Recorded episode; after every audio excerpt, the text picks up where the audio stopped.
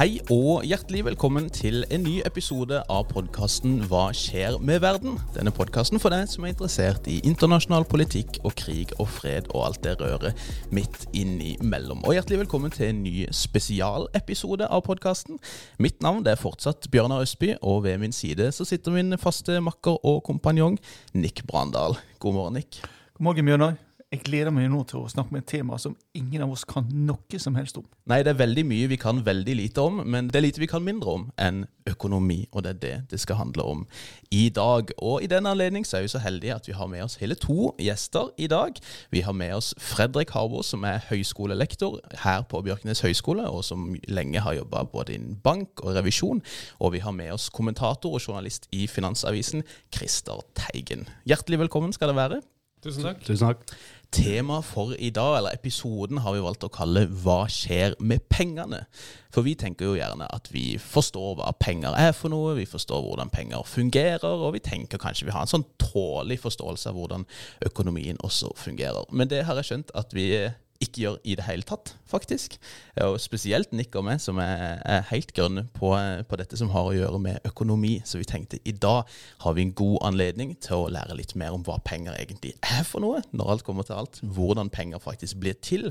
Og så skal vi ta for oss denne tematikken rundt pengemengde, som kanskje har blitt spesielt aktuell nå i møte med denne koronapandemien som vi står oppi. Så jeg tenker vi kanskje bare kan starte med det kanskje mest grunnleggende. Skjønner vi egentlig hva penger er for noe? Fra min erfaring, eh, og jeg jobbet jo i bank i fire år, eh, så etter hvert forsto jeg jo at, eh, at min forståelse av hvordan penger skapes, var helt feil. Mm. Og, og, jeg var på innsiden, ja. sånn sett. Og jeg tenker, hvordan er det for folk flest? Mm. Og vi kommer litt tilbake til det, altså hvordan penger skapes. Uh, men det var da jeg også tenkte på Christer, uh, som har skrevet om det her. Mm. Og, og, og du, uh, du, fant jo også ut at det var en del uvitenhet da, rundt ja, om. Det stemmer. Hva, hva, er det vi ikke skjønner egentlig med penger, for å si det sånn? da? Altså jeg kan si det sånn at Når du går i banken, mm. og du skal ta opp et boliglån mm. på fire-fem millioner, eller hva det er for noe, Eh, så forventer du kanskje at det, det, her er penger som banken har fra før. Mm. Men det er det ikke. Nei, ok. De, de, de, pengene fantes ikke fra før. Det er noe banken lager der og da. De trykker på en knapp, taster inn fire millioner, mm. og så får du pengene. Og tryller frem penger, rett og slett. Ja, de tryller frem penger. Hæ? Men det høres ut som en uh, dårlig konspirasjonsteori, e-, e-, egentlig. Og det var det jeg trodde det var, mm. faktisk, mm. fram til for noen år siden. Så fant jeg ut at det var sant. Men det som, det som er at banken får jo også gjeld. For når ja. de setter inn penger på kontoen din, mm. altså fire millioner, så får du fire millioner, eh, og banken får eh, fire, millioner i gjeld mm. som står på din konto. Mm. Altså dine innskudd i banken er bankens gjeld til deg. Ja. Ikke sant? Mm. Så banken som en bedrift har en, har en balanse bestående av aktive og passive, altså eiendeler og, og, og gjeld. Mm. Og, og den Idet du kommer til banken og skal låne 4 millioner, så øker bankens eiendel med 4 millioner. For mm. den har en fordring på deg. altså Du må jo tilbakebetale pengene pluss renter. da. Mm. Mens banken gjeld også øker med 4 millioner. Yeah. Men dette er selvfølgelig en fordel for banken på sikt. fordi jo mer penger de skaper, altså jo mer penger de låner ut, mm. i hermetegn, jo mer renteinntekter får de over tid. ikke sant? Mm. Så det er en veldig stor fordel for banksystemet i sin helhet å kunne utstede en nasjons penger. Nå, nå, tenker jeg da med en gang på den uh, forrige økonomiske krisa vår. Den begynte jo med Bear Stearns, og så spredte den seg videre via nettopp boliglån i disse Fannie Mae og Freddie Mac osv. Ja. Hvis jeg har forstått det riktig? Ja, riktig. Ja, så eh, de som eh, Kritikerne av det gjeldsbaserte pengesystemet som vi har i dag, de er veldig få. Men eh, de legger skylden på, på bankenes Altså de private bankers nærmest monopol til å utstede penger. Så alle altså Verdensøkonomien og norsk økonomi er egentlig avhengig av kredittsykluser. Og de består av, altså Når det er nedgangstider, da er det fordi bankene låner, lite, låner ut lite penger. Og når det er oppgangstider, så er det fordi bankene låner ut mye penger. Så mye gjeld er egentlig ensbetydende med gode tider. Ja. Fordi da, jo mer gjeld du har i samfunnet, jo mer øker pengemengden. Og da er det nok penger til å sysselsette folk, og det, det er sånn økonomien fungerer. Mm, mm. Så, så, i finanskrisen så Det starta med fra i spesielt USA så var det en ekstrem eh, Altså bankene lånte ut veldig mye penger til boligmarkedet. Mm. Fra sånn type 2004 til 2007. Og det nå var det ikke det i seg selv som, som forårsaket finanskrisen, for det var det subprime-lånet. Det var egentlig dårlig regulering av bankene. Det har jo blitt fikset nå i etterkant. Mm. Men, men det, var, det, var, i sammenheng, og det er sånn fellesnevneren for alle finanskriser siden 1844 til 1929 eh, til 2007-2008 Nei, to, unnskyld, 2008-2009 Eh, det er eh, denne syklusen av kreditt mm. Eh, som, som går ved at bankene låner ut for mye penger til slutt. Og da strammer man inn, og bankene når, når, de ser at verdien av f.eks. boligprisen i USA faller, da slutter de å låne ut penger. Da blir de mer skeptiske, og da går økonomien inn i en, inn i en resesjon. Og det som er veldig interessant i forhold til eh, finanskrisen og da jeg husker jeg jobbet i, i banken og i Nordea, og det var veldig, veldig spesiell tid. Mm. Uh, men en av kritikkene da var at det var for mye gjeld. ikke sant? Det var ja. for, mye, eh, for, mye, giring eller for mye risiko. Men løsningen var jo å gire opp mer. Altså, ja. når, når, man, ikke sant? Så, når, når, man ser eh, på, måte, på gjeldsgraden på private husholdninger, eh, stater mm. og spesielt, så ser du at den har jo økt enormt ja. siden 2008. Mm. Og, og, derfor um, tenker jeg veldig på på en måte prisoppgangen i dag. Vi ser jo ikke sant, aksjer, hus eller boligmarkedet går jo så det griner. Uh, hva er det det skyldes? Mm. Og man kan jo si at kanskje vi begynner å nå et punkt da, som, som er for risikofylt. Ja, altså, og, og, og, dette skal vi komme tilbake til. Men hvis vi holder oss litt i 2007-2008, så eh, det ble jo veldig mye fokus på at eh, Stoltenberg-regjeringa da satte i gang med byggeprosjekt og liksom pumpa offentlige penger inn. Men det der kanskje vel så viktig var vel da nettopp at de, de sørga for at bankene kunne fortsette å gi lån ved å stille kredittgarantier. Ja, absolutt. Og det er det man ser at eh, Og det er den beste løsningen for det. For når man lever i et gjeldsbasert pengesystem, så er det å pøse ut mer likviditet og mer lån er løsningen på problemet. Mm. Selv om det høres for oss sånn intuitivt, så høres det ut som en sånn catch 22-situasjon. At, at, eh, hvis problemet hva gjelder utgangspunktet, hvordan da, kan da løsningen være gjeld? Men, men, sånn er det. Mm. Og, og, hva skjer da? Uh, det vi får merke nå, det er jo at unge folk, da. Hvordan i all verden skal de eie noe når prisene skyter i været? da? Ja. Det... Eh, det, ikke sant? Så, og da blir det plutselig en politisk eh, diskusjon. Det er ganske merkverdig at vi vi har en sentralbanklov som sier noe om eh, Der står det at Norges Bank er den eneste eh, som kan utstede sedler og mynt her i landet. Men det er en veldig gammel uh, lov mhm. som, som, på en måte ikke tar for seg det faktum at vi nå har uh, kontopenger, altså bankinnskudd. Mm. ikke sant? Mm. Før så var jo kontanter mye mer viktig, og det er sentralbanken som utsteder. Det er ikke som, de private bankene som gjør. Men nå er det jo 95% av pengemengden er penger, altså eh, er, er eh, bankinnskudd. Mm. Eh, og for hver eneste krone som finnes her i landet, så er det en krone gjeld pluss rente. Ja. Så hvis du har 1000 kroner på sparekontoen din, så veit du at det er noen andre som betaler eh, renter på, som har lån på de 1000, og betaler rente på det. Mm. Så penger er gjeld. Ja penger er gjeld. Så det er altså disse private aktørene der egentlig som kan trylle frem disse ja. pengene også, ikke kun sentralbankene, rett og slett. Ja, det, sentralbanken kan utstede kontanter, mm. så, men det, de utgjør 4% av pengemengden og er ganske ubetydelig. Det er ingen vekst heller i, i kontanter. ikke sant? Nei, nei. Men hvis, hvis, vi ser dette historisk, og jeg er jo historiker, så jeg liker jo å se alt, alt historisk. Er, er dette et nytt fenomen, eller har det alltid vært sånn? Nei, Det gjeldsbaserte pengesystemet Jeg kan ta en sånn kjapp gjennomgang. Det begynte på sånn 1600-tallet. Og det var, begynte egentlig før bankene oppstod, for, for det var gullsmedene som begynte med det. Mhm. Det var sånn at uh, Hvis du skulle oppbevare gullet ditt, så kunne du gjøre det i en safe hos gullsmeden. Ehm, det, det som begynte å skje- og da var det du som betalte gullsmeden. Det var du som betalte, betalte renter. Du fikk ikke renter for innskuddet ditt, men det var omvendt. ikke sant? For du betalte for oppbevaringen av det. Men eh, etter hvert så, eh, så begynte Og da fikk du en kvittering på at du har la oss si 100 unser gull da, i skapet hans. ikke sant? Mm. Og da, det som skjedde, var at uh, man, i- istedenfor å gå, gå med gullet sitt hele tiden, så kunne du gå med disse kvitteringene og så eh, benytte det i handel. Eh, Så begynte man å handle med disse kvitteringene, og det var sånn sedlene eh, oppsto. Altså, ikke sant? Nettopp. Ja, ja, ja. pengesedler. Det var liksom den første begynnelsen. Og det som skjedde, var at eh, enkelte griske gullsmeder de begynte å, å gi ut sånne sedler for mye mer enn de hadde gull i hvelvet.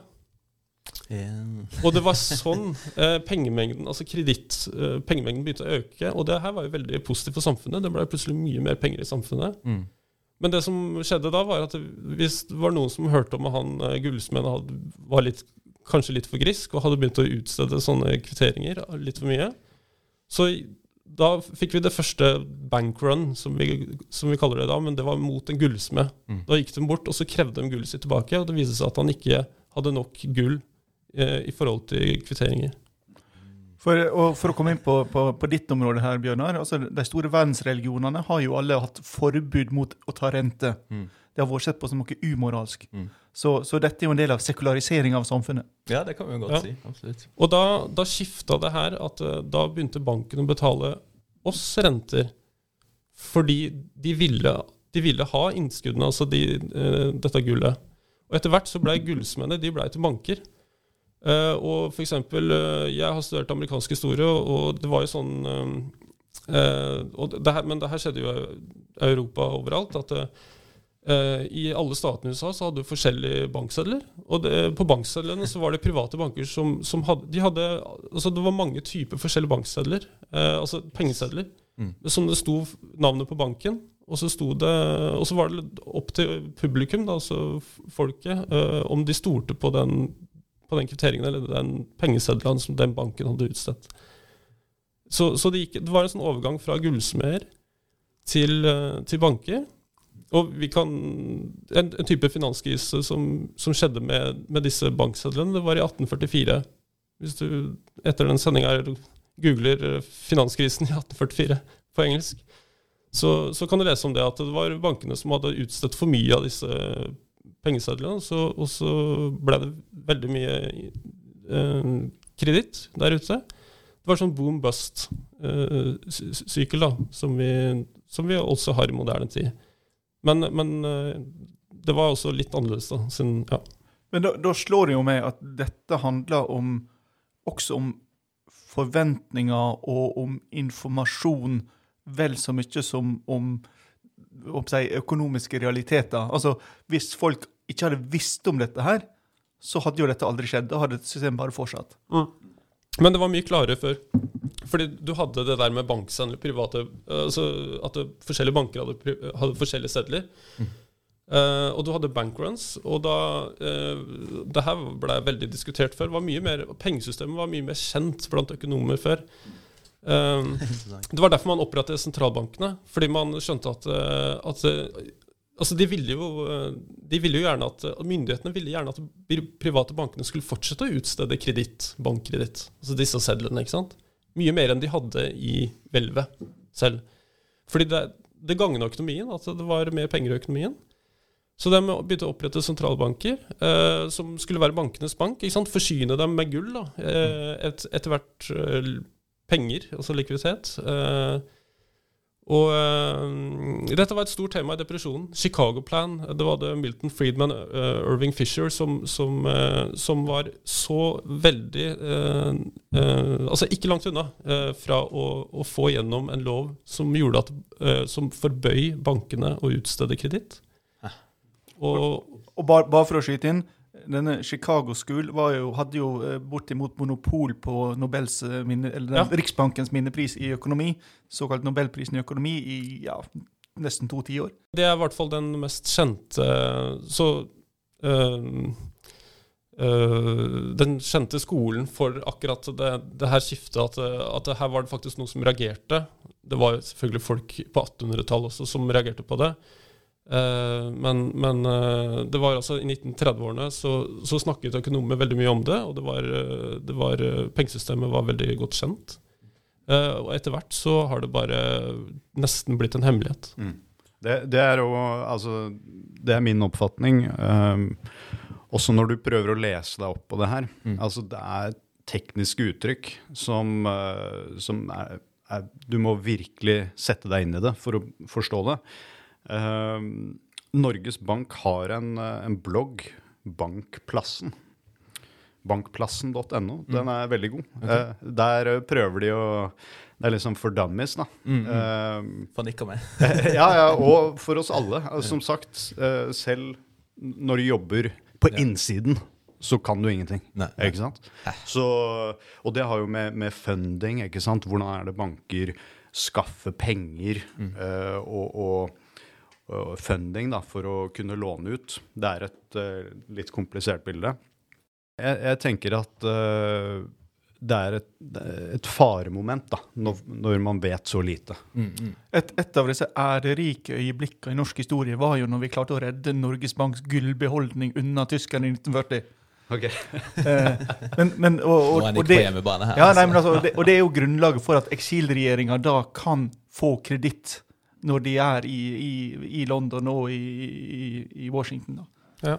Så jeg kan eh, godt korrigere eh, litt det jeg sa. Ja. fordi uh, Du spurte om hvor lenge vi hadde hatt det systemet her. Og, og det har vært kjempelenge, siden 1600-tallet, sa jeg. Og det er helt riktig. Men uh, underveis så har det vært en slags blanding. For vi har jo hatt gull inn i bildet, også sølv, med tanke på Norges Bank, da Norges Bank ble oppretta altså i 1816.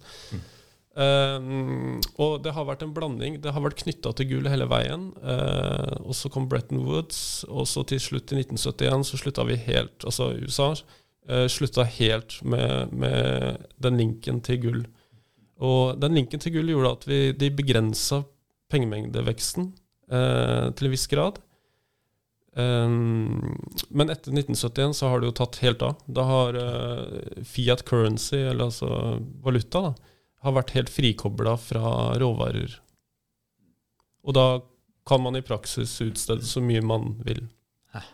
Og, og det, akkurat det er jo veldig interessant for Norge. Mm. Um, fordi det var jo på et tidspunkt uh, hvor vi trodde at den norske valutaen skulle bli en ny safe haven. En, en, sånn sterk valuta som hele verden ville ha. Ja. ikke sant? Eh, når det var skikkelig oppgangstider og gode oljepriser.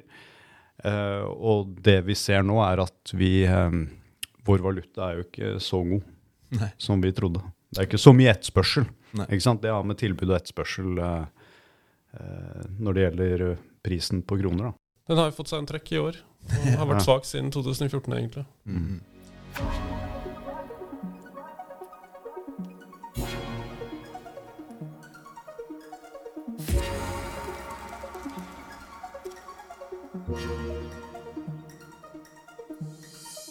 vi har jo vært så vidt innom det, har nevnt dette pengemengdebegrepet, holdt på å si, og, når vi nå har skjønt at penger er ikke bare penger, holdt på å si, eh, hvordan er det egentlig man, man måler dette med pengemengde? Liksom, hvilke parametere er det man må se på, osv.? Ja, det er eh, tre forskjellige typer penger. Det er mm. bankinnskudd som er den viktigste. Mm. Det utgjør 95% av pengemengden.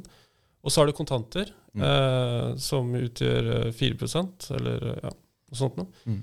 Eh, den totale pengemengden i dag er sånn i Norge er 2600 milliarder. Ja. Altså, ja. Det, mm. 2600 milliarder. Mm. Og så er det, sen- det sentralbankreserver. Det er jo litt annen type penger som, ikke, som aldri vi ser noe av. Det er elektronisk form for penger, men det er et pengesystem som, som eh, ligger mellom sentralbanken og bankene. Mm, mm. Og det er det bankene bruker til å gjøre opp, oppgjør med. Okay.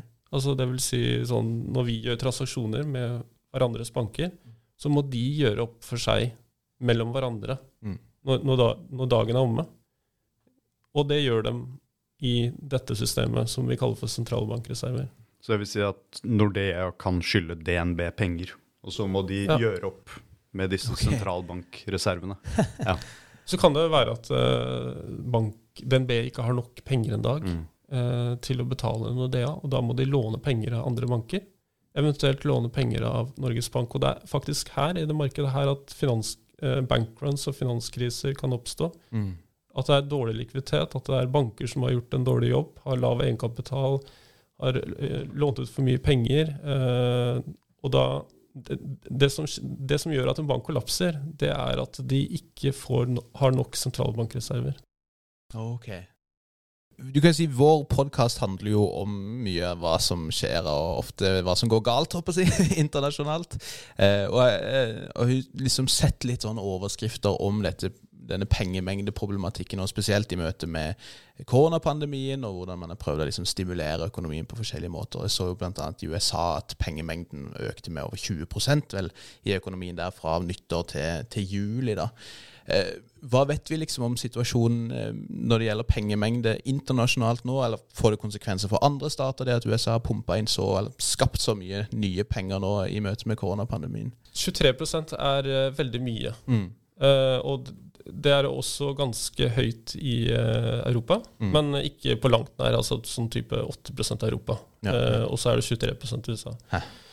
Så uh, utgangspunktet er egentlig at det ikke er noe inflasjonsrisiko nesten i det hele tatt. Okay. Det er utgangspunktet. Så det, og det er derfor de har tillatt seg selv å øke budsjettunderskuddene såpass mye i USA og pøse inn så mye penger. Mhm. Dette er jo eh, finanspolitikk, og i tillegg så har sentralbanken også ekstrem løs pengepolitikk. De, de kjøper obligasjoner Mm. og eh, statsobligasjoner, til og med nå også selskapsobligasjoner. Mm.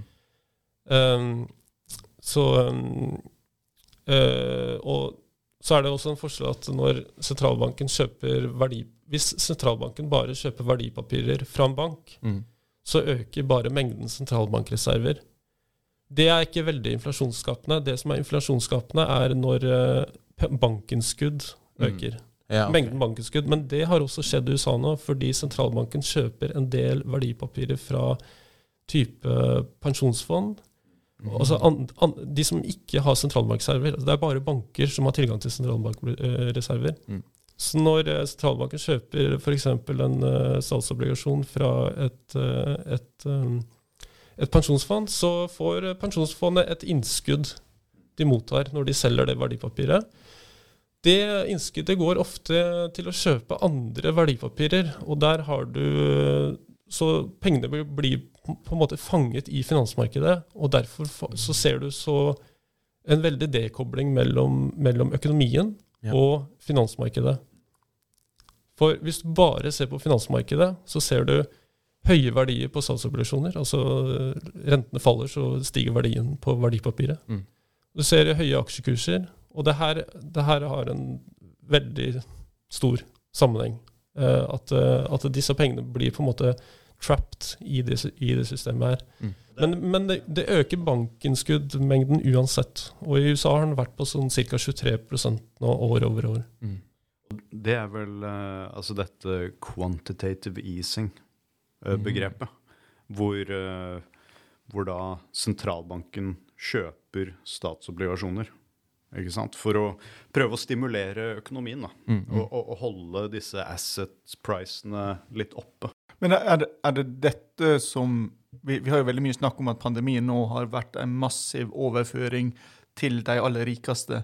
Er det de, dette som forklarer det? Ja, absolutt. Mm. Det er, eh, det er på en måte en, en, eh, en teori bak det også, og det er at eh, hvis du øker aktivaprisene, så øker prisen på eiendom, på aksjer, på obligasjoner, Og de som eier dette, de som eier eiendom og aksjer og, og obligasjoner, de føler seg rikere. Så kan de øke forbruket sitt og da stimulere økonomien. Hvis vi tenker tilbake til mars, ikke sant, når alt dette skjedde. Jeg husker jeg hadde samtale med, med en fra barnehagen. da. Og så Hun spurte sånn ja, hva, hva med huspriser nå? Nå, nå blir det en korreksjon. Så sa, jeg sa ja, minst 20% ned. Uh, og så er det jo godt opp. Jeg har gitt dårlige råd før, da, men, men uh, det er altså uh, det er en sånn dekobling mellom Ja. ok, hva er det som skjer der ute i realøkonomien, Mm. hvor det er mange næringer. ikke sant? Tenk, tenk på alle de som sliter. Mm. Eh, og så ser vi likevel at eh, en del andre priser holder seg veldig veldig bra og går opp. Mm, mm. Og det, det virker sånn litt rart. Her, her ble jeg jo minnet om det som blir sagt om økonomen Erik- Erik Reinert. At han har spådd 14 av de siste to finanskrisene. Men det er, det er en organisasjon i USA som eh, heter Positive Money. Og Den ble starta av en ung eh, mann som er yngre enn oss, eh, som heter Ben Dyson. Og Han eh, pleier å starte foredragene sine, eller avslutte husker ikke helt, foredragene sine med, med, med en, en veldig sånn eh, en enkel sammenligning. Han, han, han, eh, han, spør publikum, da. La oss si vi bor på en øde øy, og vi skal bo her i mange år. Og det vil oppstå et behov for penger. Så da samles vi alle sammen og så diskuterer vi hvordan er det vi skal uh, lage dette systemet med penger. Sant? For? Vi fisker, vi gjør forskjellige ting, og, men vi vil gjerne ha et eller annet vi kan, vi kan, uh, vi kan bytte med. Uh, og Så får de tre alternativer. Det første alternativet er at det fordeles penger jevnt utover befolkningen på den øya. Og så begynner vi å handle med hverandre. ikke sant? Mm. Andre alternativet er at noen får litt mer enn andre, basert på nytte, ikke sant? Hvor, hvor nyttig det er for samfunnet. Og det tredje er at én person kommer eh, og sier at eh, dere skal få penger, men da må dere låne pengene av meg først og betale eh, rente på det. Og bare på den måten kan dere få penger. Dere må låne det i, i økonomien. Og da, og, da, og da eh, tenker man Hvis du bor på en øy da, og, og det er ikke noe penger, så kommer du og låner eh, 100 kroner av meg. Eh, da er det plutselig 100 kroner som finnes på den øya. Men du skal tilbakebetale det, pluss renter. Du har pengene til å tilbakebetale meg med en gang, men ikke rentene. Så det er egentlig ikke nok penger i det systemet her. Du må fortsette. Man må fortsette å låne penger for at man skal klare å betale det tilbake.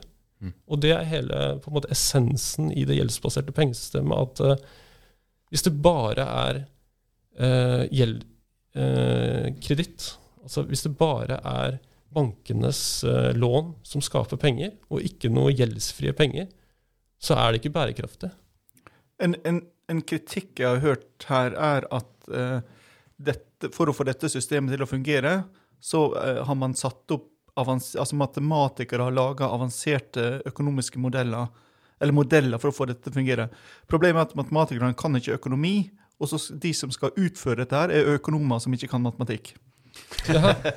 Nei, jeg kan, jeg kan fortelle at Da jeg, om, jeg begynte å skrive om det her i Finansavisen i 2015, så, så gjorde jeg en undersøkelse. Jeg, jeg sendte Altså jeg ringte rundt, f.eks. Sånn til en høyskole. og så spurte jeg om jeg kunne ha en quiz til, altså blant samfunnsøkonomene. Og da, så jeg sendte ut ganske mange e-poster med Eh, De, de fikk to alternativer på hvordan penger skapes. Den ene modellen var, altså Det ene alternativet var pengemultiplikatorteorien, som vi lærer om i lærebøkene, som står i 99 av eh, eh, lærebøker om, om økonomi. Og det andre alternativet var det som vi snakker om nå, at bankene lager penger når noen tar opp et lån. Og eh, jeg kan si sånn at eh, av ti type av disse samfunnsøkonomene eh, svarte da feil. Altså de tok det alternativet med pengemultiplikatorteorien. Som, som bygger på at, at, at banken har reserver, ikke sant? Som de, de liksom går nesten inn i et hvelv, og så liksom tar penger ut. Ja. Ikke sant? At, at det er en sånn eh, mer Det, det går ut på at bankene multipliserer opp innskuddene Ja. de har fra før i økonomi, eh, økonomien. Mm. Uh, og, det er, det er eh, på en måte lettere å se for seg, Ja. ikke sant, e- egentlig. Og det ble illustrert med en pyramide der bankene har en sånn maks begrensning på hvor mye kreditt altså de kan utstede. Men sånn er ikke realiteten. Hvor mye bankene vil låne ut, det avhenger av folks etterspørsel, bankenes villighet og bankenes egenkapital. Ja, for der, der har det kommet regler nå om at de må ha en viss egenkapital. Ja, altså det har alltid vært uh, regler, men de har blitt mye strengere. Uh, de må ha en viss egenkapital, og så må de ha eh, god nok likviditet. Men det er ikke noe sånn hvor mye innskudd de må ha. Det, det er en sånn Det er en myte, holdt på å si. Det er, det er egenkapital som er det viktigste. da. Men hvor mye lovregulering, med tanke på hvor viktig penger er for samfunnet, hvor mye lovregulering har vi egentlig? Ja, eh, Når det gjelder regulering av bankene, så at ikke de skal eh, gjøre slike feil som de har gjort før, med å låne ut for mye penger og sånn, så er det blitt ganske mye reguleringer. Så der har Finanstilsynet i Norge og Finanstilsynet i andre land gjort en veldig god jobb eh, etter finanskrisen, vil jeg si. Så jeg, jeg vil ikke si at banksystemet i seg selv er noen stor risikofaktor. Men eh, hvis jeg har forstått det riktig, nå, nå med pandemien så skal jo alle helst betale med kort. Men eh, det er faktisk en lov i Norge som sier at man må ta imot kontanter. Altså fysiske penger.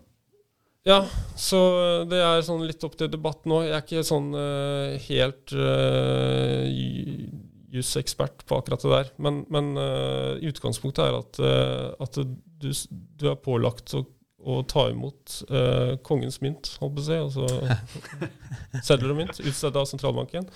Men så er det ikke helt rett fram heller. At, jeg har sett nå at f.eks. enkelte steder ikke trenger å ikke trenger å måtte ta, akseptere sedler og kontanter. Men ja. Kan vi se for oss at fysiske penger i nær framtid vil forsvinne helt? Ja, det tror jeg. ja Det jeg vil, tror jeg helt klart. Ja. Tenkte på det før sendingen, at det, det skjer nok. Det er lenge siden jeg har holdt inn seddel, altså. Veldig lenge siden. Mm. Også i forhold til korona, så er det jo Altså det er mange i forhold til smitte, ikke sant. Det er jo, men eh, men jeg, jeg tenker eh, på noe annet. Det er veldig mange ting man tenker på når vi sitter og snakker her. Da. Og det er jo dette med altså forbrukslån. ikke sant? Vi har jo disse forbruksbankene som, som har gjort det veldig bra. Og så var folk eh, litt kritiske til det her. Eh, Det, det er et ord som har for, nesten forsvunnet av språket vårt, nemlig ågerrenter. Ågerrenter. Ja, eh, ikke sant. Det, og det er jo noe annet vi kunne pratet om.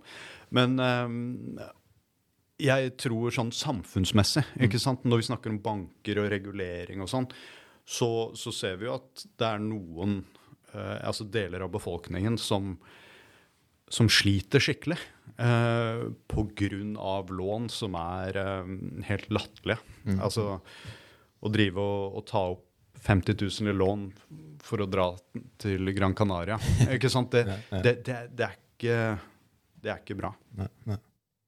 Eh, vi har jo eh, snakka om både hvordan liksom, det er en ganske stor mismatch si, mellom hva som skjer i si, finansverdenen og i realøkonomien, og samtidig hvordan mange av de folka på innsida her ikke nødvendigvis egentlig skjønner hvordan dette systemet eh, egentlig fungerer. da.